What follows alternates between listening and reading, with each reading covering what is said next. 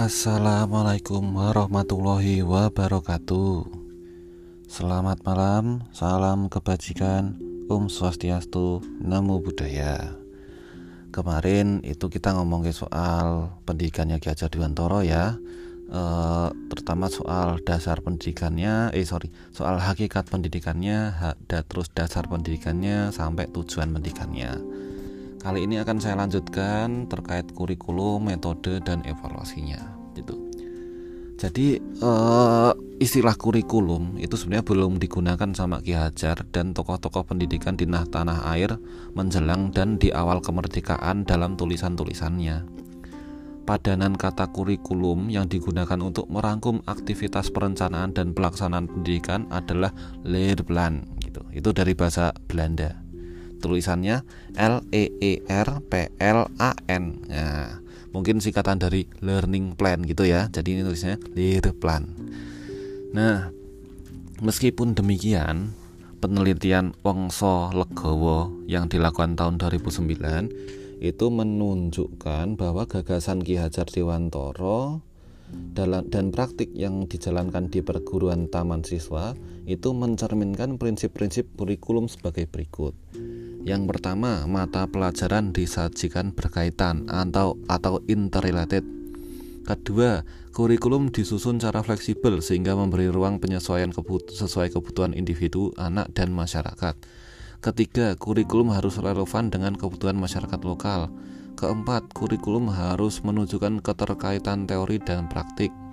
Sebab lulusan perguruan disiapkan untuk menjalani kehidupan di tengah masyarakat. 5. Kurikulum disusun dengan mengakomodir perkembangan dan minat peserta anak didik.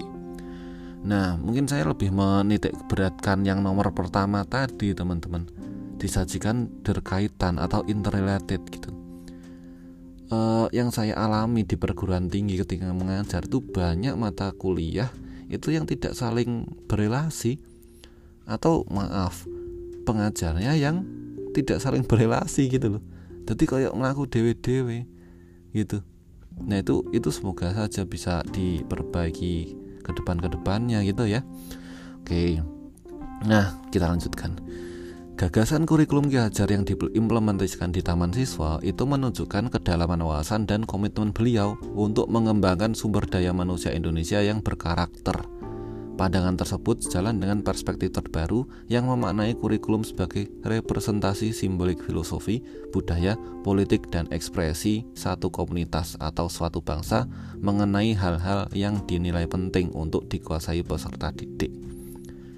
Kurikulum itu berisi kumpulan gagasan dan aktivitas untuk mentransmisikan dan mentransformasikan hal-hal terpilih yang dipandang bernilai untuk dikenang dari masa lalu, keyakinan pokok mengenai kondisi saat ini, dan harapan tentang masa depan. Kurikulum diposisikan sebagai pemilihan aspek-aspek yang dipandang penting dalam mempersiapkan peserta didik dalam menghadapi tantangan kehidupan dan merepresentasikan dimensi subjektif dan rasional para pengembang kurikulum. Nah, sejalan dengan itu, Undang-Undang Nomor 20 Tahun 2003 tentang Sistem Pendidikan Nasional itu memaknai kurikulum sebagai seperangkat rencana dan pengaturan mengenai tujuan, isi, dan bahan pelajaran serta acara yang digunakan sebagai pedoman. Pedoman apa? Pedoman dalam penyelenggaraan kegiatan pembelajaran untuk mencapai tujuan pendidikan tertentu. Itu. Nah, untuk metode pembelajarannya, di mana pembelajaran sendiri merupakan aktivitas inti dalam pendidikan, interaksi. Jadi di metode pembelajaran Ki Hajar Dewantara itu menekankan interaksi yang melibatkan pendidik, peserta didik, dan transformasi materi atau bahan kajian yang terselenggara melalui pembelajaran.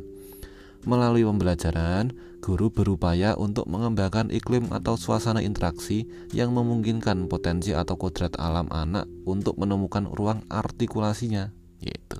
Jadi memberikan space untuk anak gitu ya. Nah, ini juga reminder gitu ya buat teman-teman. Jangan pernah menganggap siswa yang nakal itu akan selamanya nakal. Jadi siswa yang nakal itu jangan diskusi.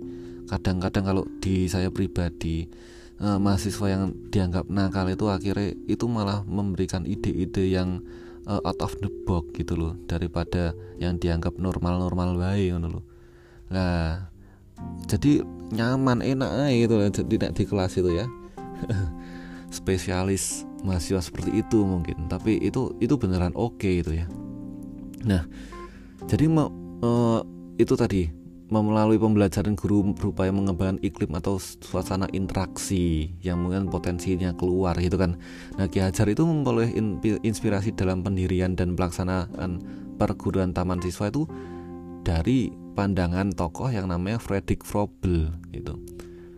Tentang kodrat anak juga tentang uh, dari Maria Montessori itu ya yang memberikan permainan untuk pengembangan anak dan Rabindranath Tagore yang dengan konsep pesanggrahannya dalam berfokus pada hidup kemanusiaan yang religius. Nah, tiga tokoh itu teman-teman, tapi kita kenalnya topo Maria Montessori toh, terus yang kedua Rabindranath Tagore, terus terakhir Fredrik Froebel. Biasanya kayak gitu. Kita lebih kenal uh, eh uh, susunannya kayak ono biasa nih nek mahasiswa ya ya itu dari sudut pandangku sih sebenarnya oke selanjutnya konsep dan praktik pendidikan Ki Hajar Dewantoro itu menempatkan suasana yang menyenangkan dan konteks sosial budaya sebagai fondasinya menurut beliau pembelajaran di sekolah itu tidak boleh berjarak atau cerabut, tercerabut dari lingkungan sosial budayanya Nilai-nilai budaya dan persoalan aktual dalam masyarakat itu perlu diperkenalkan sejak dini kepada anak. Biar apa? Biar terbangun kepekaan dan sikap responsifnya terhadap lingkungan sekitarnya, gitu kan? Nah, metode pembelajaran di taman siswa sendiri itu bertumbuh pada konsep Among. Melalui konsep Among, Ki Hajar menempatkan guru sebagai penuntun untuk membantu anak menemukan arah perkembangannya. Dalam konsep Among, guru itu dituntut untuk menempatkan diri sebagai pendamping. Dan contoh pertama dari kebiasaan-kebiasaan baik yang hendak ditumbuh kembangkan menjadi karakter anak didik. Itian toh bro. Sis. Dadi guru ki angel Contoh pertama dari kebiasaan-kebiasaan baik yang hendak ditumbuh kembangkan menjadi karakter anak didik loh bro sis Itu Jadi ojo sembarangan kalian tuh kuliah di pendidikan itu jangan sembarangan ya Mosok yo ono guru sik ngerjain tugas itu hamin satu itu ya. Oke. Okay.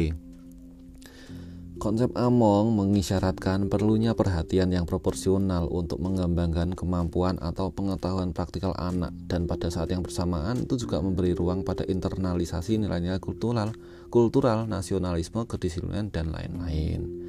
Model pembelajaran Among itu mencerminkan relasi pendidik dan anak didik berlangsung dalam nuansa kekeluargaan penuh kehangatan yang bersumber dari tradisi luhur bangsa Indonesia. Jadi ora ono koyo dengan diajar di antara guru killer itu ya atau dosen killer, enggak dicermati. Nah, Ki itu menegaskan bahwa proses pembelajaran kolonial yang bertumbuh pada perintah dan pemaksaan, order and enforcement, itu perlu direkonstruksi menjadi model pembelajaran yang mencerahkan jiwa anak. Filosofi Among itu menempatkan pembelajaran sebagai arena ruang aktualisasi peserta didik. Among sebagai sistem praksis pendidikan di perguruan taman siswa yang menempatkan pendidik sebagai mitra yang memberi ruang kebebasan agar anak bisa bergerak menurut kemauannya, sementara Pamong itu akan bertindak. Ya kalau perlu dengan pasangan apabila kemauan tersebut membahayakan diri anak. Membahayakannya tidak hanya secara fiskal tapi jiwa juga itu loh ya. Gitu. Nah soal evaluasinya gimana? Evaluasi pendidikan Ki Hajar evaluasi sendiri itu berfungsi untuk memetakan sejauh mana usaha pendidikan telah mencapai tujuan gitu kan Ki Hajar mengingatkan pentingnya penilaian itu dilakukan dengan mempertimbangkan secara seksama kondisi mental anak sehingga tidak berimplikasi negatif untuk tumbuh kembang potensi anak. Ketika menyampaikan pidato sambutan penerimaan gelar Dr. Honoris Causa di UGM Universitas Gajah Mada, Ki Hajar Dewantara itu menyatakan bahwasanya anak-anak dan pemuda-pemuda kita sukar dapat belajar dengan tentram karena dikejar-kejar oleh ujian-ujian yang sangat keras dalam tuntutan-tuntutannya. Lu. Jadi Menteri Nadiem menghapuskan UN tuh itu sangat luar biasa itu Mas Menteri ya. Oke, lanjut lagi. Mereka belajar tidak untuk perkembangan hidup kejiwaannya, sebaliknya, mereka belajar untuk dapat nilai-nilai yang tinggi dalam school report atau untuk ijazah. Wah, Itianto Sangarto nah ini luar biasa ya pemikiran Pak Ajar ya hei Ki Hajar ya Ujian harus dikembalikan pada fungsi awalnya sebagai alat untuk menentukan tercapai atau tidak tidaknya tujuan. Penilaian semestinya dipahami sebagai bagian dari proses pengambilan keputusan untuk menekan langkah-langkah lanjutan untuk meningkatkan kualitas pembelajaran dan pendidikan. Evaluasi tidak semestinya ditempatkan sebagai alat penghubung seseorang, tapi evaluasi semestinya dikembalikan pada fungsi awalnya sebagai sarana memperoleh informasi yang dijadikan bahan pertimbangan untuk perbaikan berkelanjutan. Ki Ajar menekankan pentingnya konteks sosial budaya dalam evaluasi di institusi pendidikan. Sejalan dengan konsepsi yang ditawarkannya tersebut dalam beberapa dekade terakhir, model evaluasi yang berpijak dan memperhatikan dimensi sosial budaya semakin mendapat ruang artikulasi dalam diskursus pendidikan kontemporer perkembangan model evaluasi tangkap budaya atau culturally responsive evaluation menunjukkan telah terjadinya pergeseran yang mengarah pada semakin diakuinya gagasan yang diletakkan oleh Gajah Dewantoro mengenai pentingnya dimensi sosial budaya mendapat perhatian dalam praktik evaluasi pendidikan. Gitu ya teman-teman ya. Jadi hmm, ya sebenarnya ini bukan sebuah pembelaan tapi emang prinsip saya untuk mempermainkan yang namanya ujian di kelas itu ya seperti ini. Penilaian saya itu berdasarkan proses bro dan bagaimana kalian tuh berproses di kelas.